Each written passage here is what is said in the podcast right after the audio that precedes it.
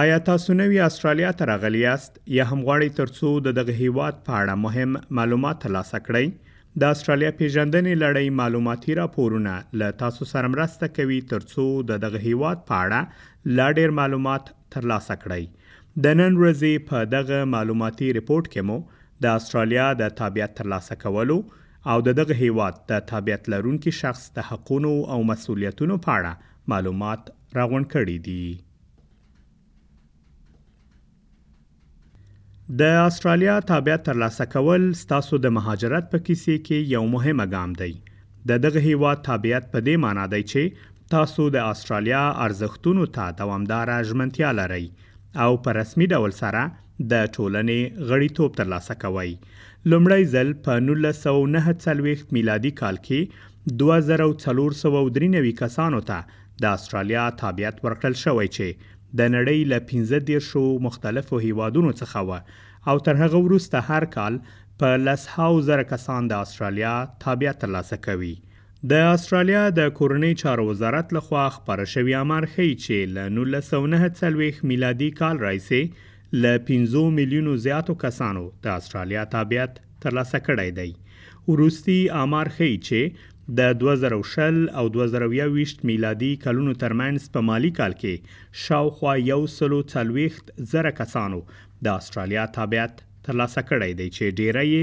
د هند، انګلستان، فیلیپین، چین، نوي زیلنډ او پاکستان اوسېدونکي وه.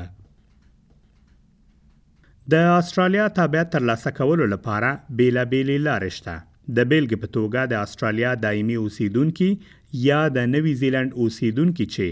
د 18 او 59 کلونو ترمنځ عمرونه لري باید ځینې شرایط پوره کړي ترڅو د استرالیا تابعیت ورکړل شي. دغه ډله کسانو باید په استرالیا کې څلور کاله په قانوني ویزې تیر کړي اوسي. له تیرو دولسو میاشتو راهیسې د استرالیا دایمي ویزه ولري او تر دولس میاشتو یې ډیر وخت له استرالیا څخه بهر نه وي تیر کړی. همدا راز په وروستي یا څلورم کال کې یې له نوي ورځو ډیر وخت په بهر کې نه وي تیر کړی. په استرالیا کې د وخت تیرولو ترڅنګ باید د کرکټر، ژبې او آسټرالیا پېژندنې آزموینه کې هم بریالي شي. که چېرې یو څوک په شرایطو برابر اوسي، نو کولی شي د آسټرالیا د تابعیت ترلاسه کولو لپاره خپل غوښتنلیک وسپاري. د غوښتنلیک له سپارلو وروسته، د غوښتنې پر مهال باید د تابعیت په آزموینه کې ګډون وکړي او له بریا وروسته د تابعیت ترلاسه کولو په مراسمو کې ګډون وکړي. هغه کسان چي تر شپېتو کلونو يې عمر زيات دئ او يا له اسټراليا څخه بهر پيدا شوي مګر مور او پلار يې د اسټراليا تابعيت لري،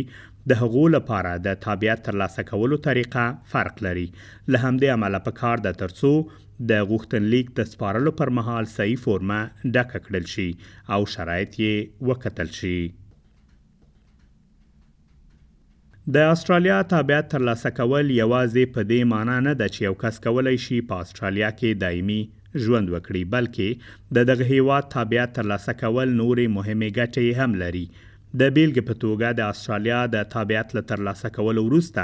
تاسو کولی شئ د دغه هیواد پاسپورت ترلاسه کړئ او په هغه د نړۍ شاوخوا یو سلو اتیا هېوادونو ته له ویزې پرته سفر وکړئ. د پاسپورټ او په هغه د سفر د سهولت تر څنګ که چېرې تاسو په کوم بهرني هېواد کې له ستونزې سره مخ شئ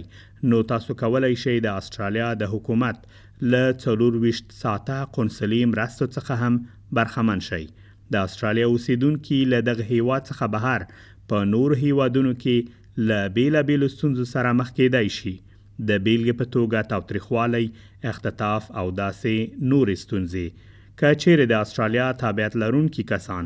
له دغه هېواد څخه بهر له ستونزو سره مخ شي، نو د اسټرالیا حکومت ورسره مرسته کوي ترڅو بېرته اسټرالیا ته په خوندي توګه راستانه شي.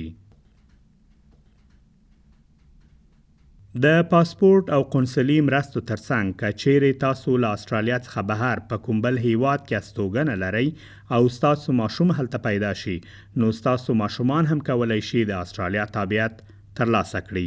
د بیلګې په توګه که چیرې تاسو د استرالیا تابعیت لرئ او په افغانستان کې د استوګنې یا سفر پر مهال مو ماشوم پیدا شي نو ستاسو ماشوم هم کولی شي د قانون پر اساس د اسټرالیا تابعیت ترلاسه کړي. همداراز د اسټرالیا هیواد تابعیت لرونکي کسان کولی شي د دغه هیواد په فدرالي، ایالتي او سیمه ایزو ټاکنو کې هم خپل ځان نوماند کړي. د اسټرالیا تابعیت لرونکي کسان د بیلا بیلو حقونو او ګټو ترڅنګ ځینې مسؤلیتونه هم لري. د بېلګې په توګه،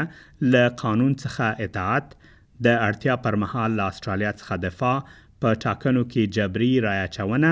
او د غوښتنې پر مهال په محکمې کې د منصفه هیئت غړي په توګه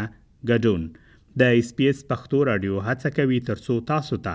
د اسټرالیا د اوسېدونکو، مهمو ځایونو، لرغونو اثارو او ځانګړتیاوو په اړه په زړه پورې معلومات وړاندې کړي. د ایس پي ایس پښتو راډیو ویب پاڼې څخه لیدنه وکړئ ترڅو تاسو هغه معلوماتي راپورونه واورئ چې موږ په تیرو خپرونو کې تاسو ته خپاره کړي دي sbs.com.au/pashto